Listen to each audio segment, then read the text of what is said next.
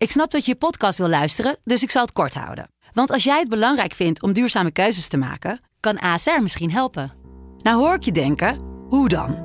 Nou, bijvoorbeeld bij het duurzaam herstellen van schade. Of de premies die we beleggen volgens ons duurzaam beleggingsbeleid. Dat bepaalt waar we wel en juist niet in investeren. Wil je meer weten over welke duurzame keuzes ASR maakt? Ga dan naar asr.nl/slash duurzame keuzes. ASR doet het. Zo, dan kan je nu lekker naar je podcast luisteren. Wie doodde caféhouder Fokko Werkman uit Houlen? Het is deze week precies 20 jaar geleden dat hij werd vermoord. Op het hoofd geslagen met een parasolstok. De zaak is nu een cold case.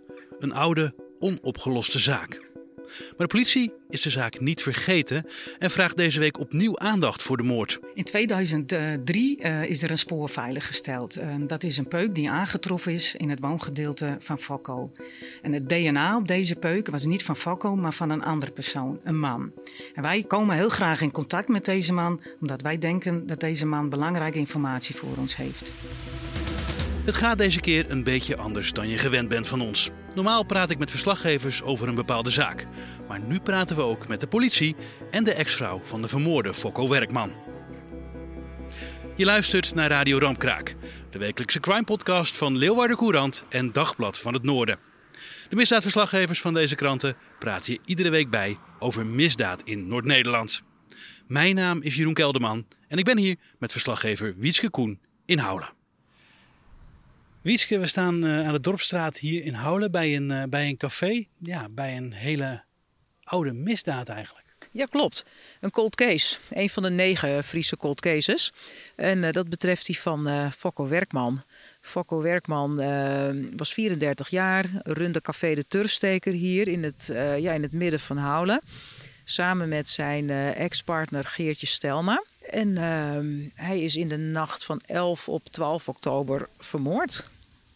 Voor de mensen die Houlen niet kennen, uh, het ligt vlakbij Oosterwolde. Op de grens van Friesland en Drenthe eigenlijk. En het is echt een heel klein dorpje. Er wonen, ik geloof, ongeveer 600 mensen. En het is eigenlijk één straat. Het is niet echt de plek waar je meteen een, een, een zware misdaad, een moord verwacht. Nee, dit is ook nog het uh, tussen aanhalingstekens centrum van het dorp. Met, met een school, met, met woningen eromheen. Uh, je zou het niet uh, echt uh, hier verwachten. Maar ehm, ja, de dader is zeer waarschijnlijk achterom gekomen. En daar heb je weilanden, daar heb je boswallen en dan zie je helemaal niks. Dat was waarschijnlijk dan een bewuste aanslag op zijn leven? Ja, dat, dat is onduidelijk. Er werd wel vanuit gegaan dat het, ehm, ja, dat het een, een roofmoord is er was weinig eh, op deze manier eh, aan te merken. Er is geen aanleiding om te denken dat het een, een afrekening was of iets dergelijks. Eh, daarom werd het ook gehouden op dat hij een inbreker moet hebben overlopen. Ja, want wat ik begreep is ook dat de achterdeur, het raam was, was ingeslagen. Ja, er was braakschade, dat klopt. Uh, Fokko Werkman heeft zelf, uh, nou ja, lag op de bank. Uh, vermoedelijk heeft hij nadat hij klaar was met zijn werk in de kroeg, heeft hij uh, iets gegeten, is hij uh, op de bank gaan liggen en mogelijk in slaap gevallen. Ja, en waarschijnlijk ja, misschien wel gewekt door, de, door iemand die, uh, die de kroeg binnenkwam. Want hij runde deze kroeg samen met zijn, met zijn ex. Ja. En zij is ook degene die hem uiteindelijk gevonden heeft. Ja, en zij kwam die zondagmiddag naar het café. En uh, zij was bezig. En normaal uh, ruimden ze altijd voor elkaar op. Ze deden de kroegwerk deden ze uh, om de beurt. Maar dan ruimden ze wel op, zodat de ander met een schoon café kon beginnen. Alleen dat had hij niet gedaan. Luister maar even naar Geertje Stelma. Ik zou om vier uur de kroeg open doen. En om half vier was ik hier. En toen trof ik een beetje rommel aan in de kroeg. En anders dan anders, want we ruimden voor elkaar wel alles op. We waren uit elkaar, maar we deden om toerbeurten de kroeg. Ik denk, nou, ik ruim het maar op, want om vier uur dan uh, gaat het café open, komen de eerste mensen al, dus uh, opruimen. En toen was het vier uur, ik had de koffie klaar. Ik denk, nou, ik roep uh, Fokko op voor een bakje koffie, want dat deden we wel eens vaker. En toen trof ik hem levenloos naast de bank aan. Ja, en daar sta je dan. Dit is het laatste wat je verwacht. Ja, dat is zeker het laatste wat ik verwacht. Ik, uh, we waren wel uit elkaar, maar verder konden we wel goed met elkaar nog. En dit verwacht je dus echt helemaal niet, nee. Wat heb je gedaan? Nou, op dat moment ben ik naar de kroeg weer, want het was een woongedeelte, ben ik weer naar de kroeg gelopen, gerend. deuren op slot, uh, mensen gaan bellen die naast, dicht naast me staan. Maar uh, niemand was thuis op die dag. Het was mooi weer. Toen kreeg ik mijn broer aan de lijn. Die is heel snel hierheen gegaan. En toen heb ik dus 1 en 2 gebeld. Ja, en toen ging het eigenlijk de, ja, een beetje in een roes allemaal. Wat er allemaal gebeurde. Precies weet ik het allemaal niet meer. Maar want uh, het café is, uh, is, is het, het, wat je zegt net de woning, het achtergedeelte gingen we naartoe. Uh, het café is het, het, het voorste gedeelte. En de woning zit, of zat daarachter. Ja, dat klopt. Die zit aan het café vast. En je kon binnendoor van de ene ruimte in de andere komen. Ja, klopt. En dat is ook wat jij deed op die zondagmiddag. Ik ging van, nou, van de kroeg zeg maar, naar het woongedeelte. En ik denk, ik roep hem voor een bakje koffie. Ja, dat werd geen koffie, dat was heel wat anders. Wat zag je? Nadat hij naast de bank lag en bloed op zijn hoofd. En ik had wel gelijk zoiets, die is dood. Omdat ik het plas bloed zag. En ik denk van, ja, wat je denkt. Ik weet het eigenlijk niet precies wat ik dacht. Ik dacht, ik moet hier weg. Ik moet weer naar het café. Ik moet mensen bellen, vrienden, familie. Dat was hetgene wat ik wou. Ik wou iemand bellen. Of zeggen wat er gebeurd was, wat ik gezien had. En uh, ja, toen heb ik daarna pas 112 gebeld. Dacht je meteen aan moord? Nee, dat woord had ik niet in mijn hoofd van hij is vermoord, hij is dood. Eh, nee, op dat moment heb ik daar niet over nagedacht. Wanneer hoorde je dat? Ja, pas later ga je dan denken hij is doodgeslagen en hij uh, is vermoord. Dat hoor je pas later. Als, als je hoort dat, dat je naaste is vermoord, iemand waar je heel goed mee kunt, nog steeds. Uh, wat, wat, wat denk je dan? Waar, aan wie denk je dan? Nou, niemand. Je weet niet waar je aan denken moet. Je, je, gaat iedereen verdenken. Je denkt van alles, want je hoort van alles. Iedereen heeft zijn eigen scenario en je hoort dingen.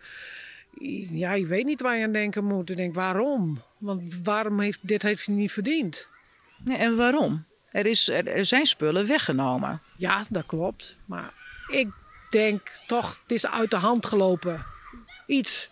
Waarom weet ik niet, maar dat is een gevoel. Waar denk je dan aan? Nou, dat, dat hij over het met is gekomen door diegene of zo. En dat, uh, ja, dat het uit de hand gelopen is. En dat ze daarom maar gedacht hebben van... dan moeten ze een ketting en zijn beurs maar meenemen. Dan is het een roof. Roofmoord, zoiets. Ja, dat is meer een gedachte. Want we staan nu naast uh, het café. Is de, de dader hier langsgekomen, hier over het grindpad? Volgens mij niet. Zoals ik het weet is hij achter door de weilanden zo naar achter bij, uh, bij het woongedeelte gekomen. Want het café ligt ja, midden in het dorp. Er zijn tegenover het café staan woningen. Er staat schuin tegenover een school. Uh, hier zijn gewoon buren. Heeft niemand er iets van meegekregen?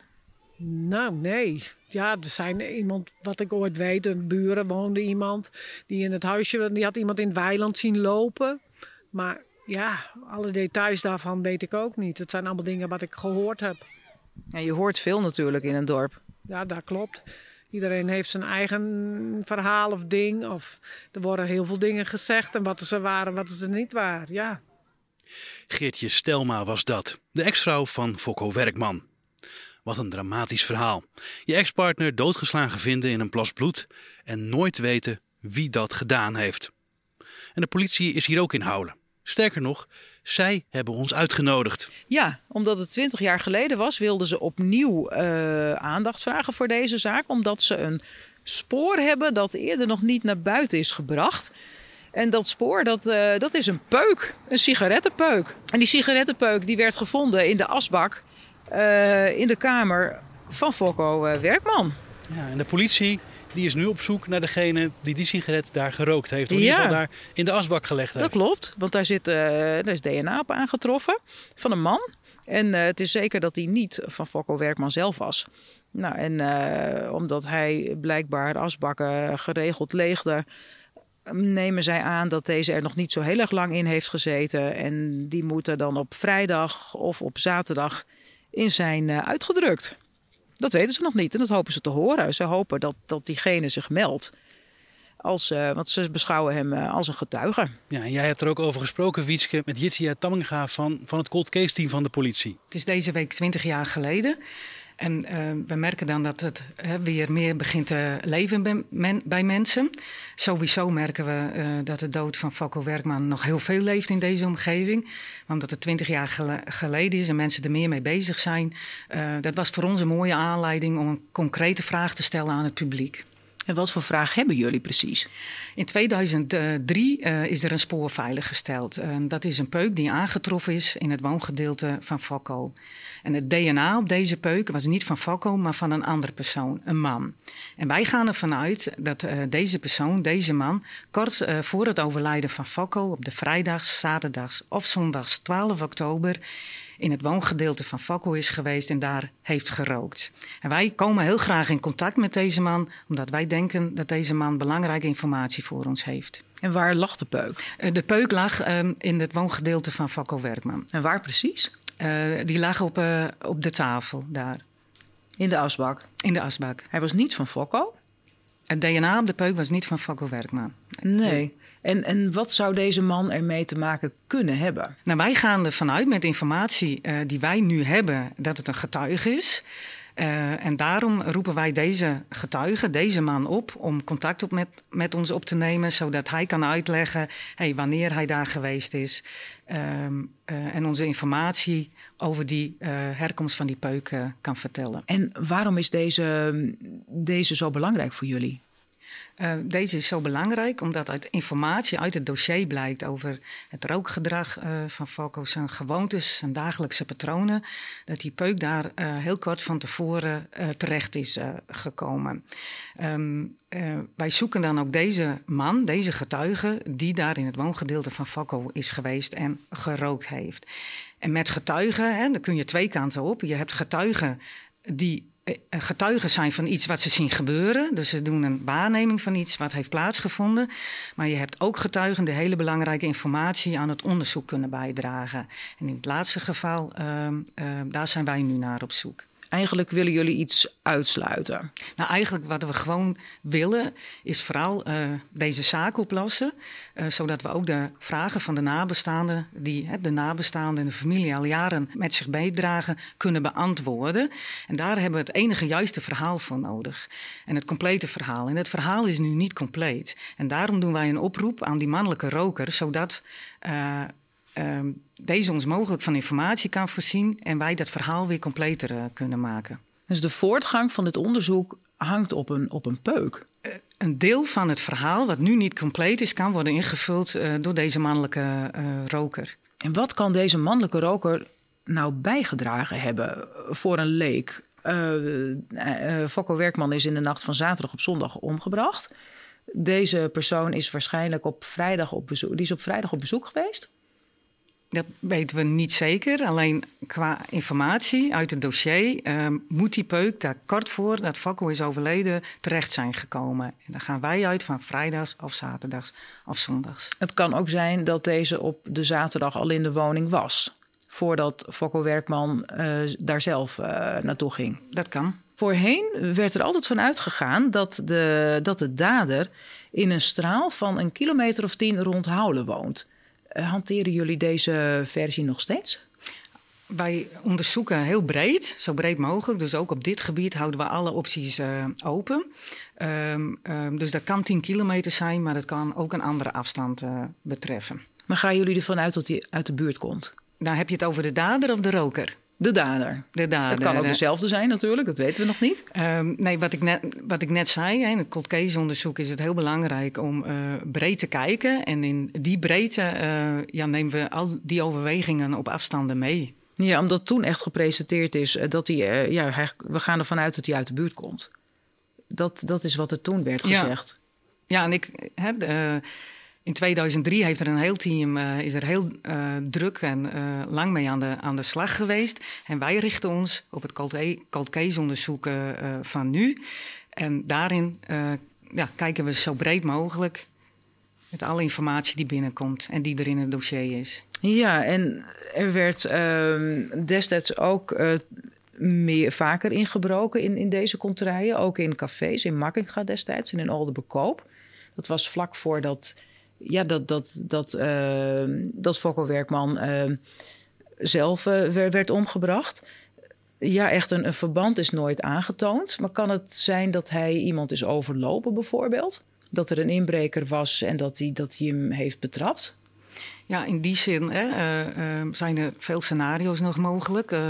En wat de inbraken betreft, eh, daar is destijds in 2003 Um, is daar ook naar uh, gekeken.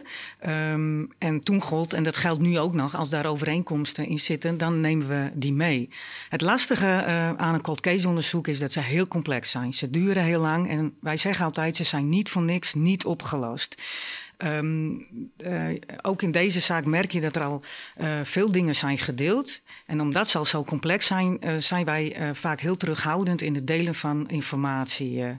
Juist omdat we, nou, we ze graag uiteindelijk willen oplossen. Ja, dat zei de politie. Want het knaagt aan de nabestaanden dat de zaak niet opgelost is. Wie heeft dit op zijn geweten? En ken ik de dader misschien? Kwam die in de kroeg?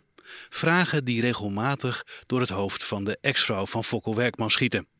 Gitje Stelma ging na de dood van haar ex gewoon door met het café en stapte dagelijks het pand binnen waar hij werd vermoord. Ja, in het begin vond ik dat heel moeilijk. Elke keer als de keukendeur open ging, dacht ik, daar komt hij binnen. Want daar kwam hij altijd mee de kroeg binnen. Dacht ik elke keer, daar komt hij aan. Dat, in het begin vond ik het ook echt uh, heel vreemd, raar, naar. Vond ik het echt niet leuk om het te zijn. Was je bang? Oh ja, ik ben wel eens bang geweest. Ja, ik denk, straks komen ze terug en moeten ze mij ook nog hebben. Of ja, je gaat van alles bedenken. En, en wat deed je dan? Probeerde je te beschermen? Camera's bijvoorbeeld? Of, of dat je iets onder het bed had of achter de bar? Nou ja, we hadden een alarmsysteem in de kroeg. En verder, uh, ja, er stond wel een, een, een, een, voorwerp in de keuken dat je denkt van nou als er iemand komt, ja, dan moet je er ook maar net bij kunnen. Die kun je misschien daarmee beschermen, maar echt beschermen, ja, nee. Ik zorgde wel dat ik nooit alleen hier wegging. Altijd met twee en nooit alleen. En was dat ook al zo toen, toen Fokko nog leefde? Nee, eigenlijk niet. Nee, we hadden nooit uh, iets van ik voelde me hier niet veilig of zo. Nee, dat heb ik nooit gehad. En al die verhalen, wat, wat deden die met jou? Verhalen die de ronde deden, verdenkingen, praatjes. Nou, dat houdt je wel bezig. Ik uh, ben als er weer wat gezegd werd, was ik er wel weer een week soms wel eens weer naar van. En dan was ik weer mee in mijn hoofd aan het nadenken. En dan ja, voelde me wel uh, heel vaak heel naar erover. Wat zeiden mensen dan? Dat je, ja, ik woonde nog, dat je er nog kunt blijven, dat je daar nog woont. Uh, en dat, ja, dat vind ik wel, komt soms hard aan. En sommigen hebben mij zelf ook wel verdacht. Dat, ja, dat doet wel zeer als dat gezegd wordt. Wat deed je daar dan mee? Ik praat er wel over met mensen. Ik heb een goede vriendin, daar kan ik heel goed mee praten. Dan kan ik mijn verhaal wel aan kwijt. Dat, dat scheelt wel, dat ik er wel over kan praten. Ja, en het is nu twintig jaar verder en er is nog steeds niet bekend wie het heeft gedaan. Nee, klopt. En ik hoop echt dat dat echt uit gaat komen. Want ik, kan er niet bij dat je kan leven met iets wat je gedaan hebt. Dat je gewoon je stil kan houden. En ook al zou je het weten van een ander. Dat je denkt, ik zeg niks, ik durf niks te zeggen. Het zal toch iemand moeten zijn die weet, uh, iets weet, ja, wie het gedaan zou hebben, lijkt mij. En het idee dat je deze figuur uh, misschien zelf wel kent. Ja, dat lijkt me ook raar. Ik denk, soms denk ik wel eens, misschien staan we nog te kijken als de dader echt bekend is van, misschien heeft hij hier nog wel weer aan de bar gezeten. Dat heb ik ook wel gedacht. Dat weet je niet.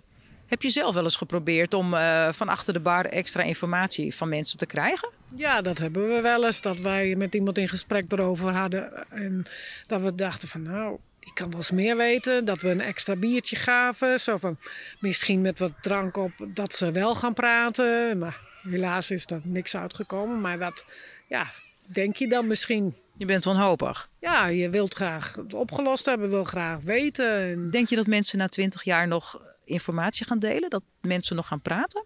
Ik hoop het. Maar ja, weet ik niet. Aan de ene kant denk ik, ze hebben twintig jaar een mond al gehouden. Gaan ze het nu wel zeggen? Dus, maar ik hoop het wel. Ik hoop echt dat er uh, toch iemand is die denkt: ik kan hier niet meer leven, ik ga het alsnog zeggen. Kun je het afsluiten? Kun je het echt afsluiten. Dan, uh, want nu blijft het altijd bij je.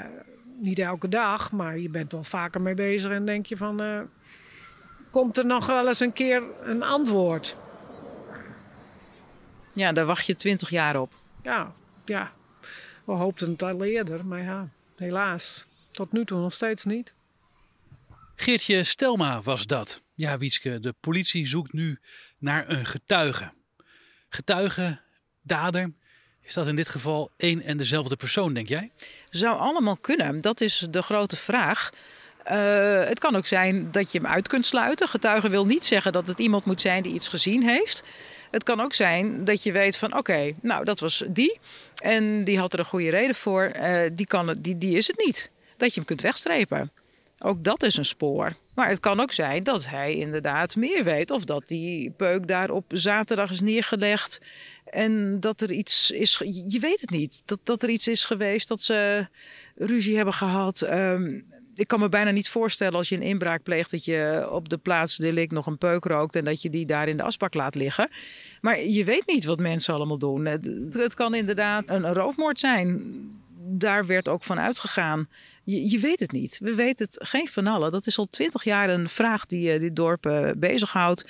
Uh, die de broer, die, die, broer Jan Werkman, de broer van Fokko Werkman, bezighoudt.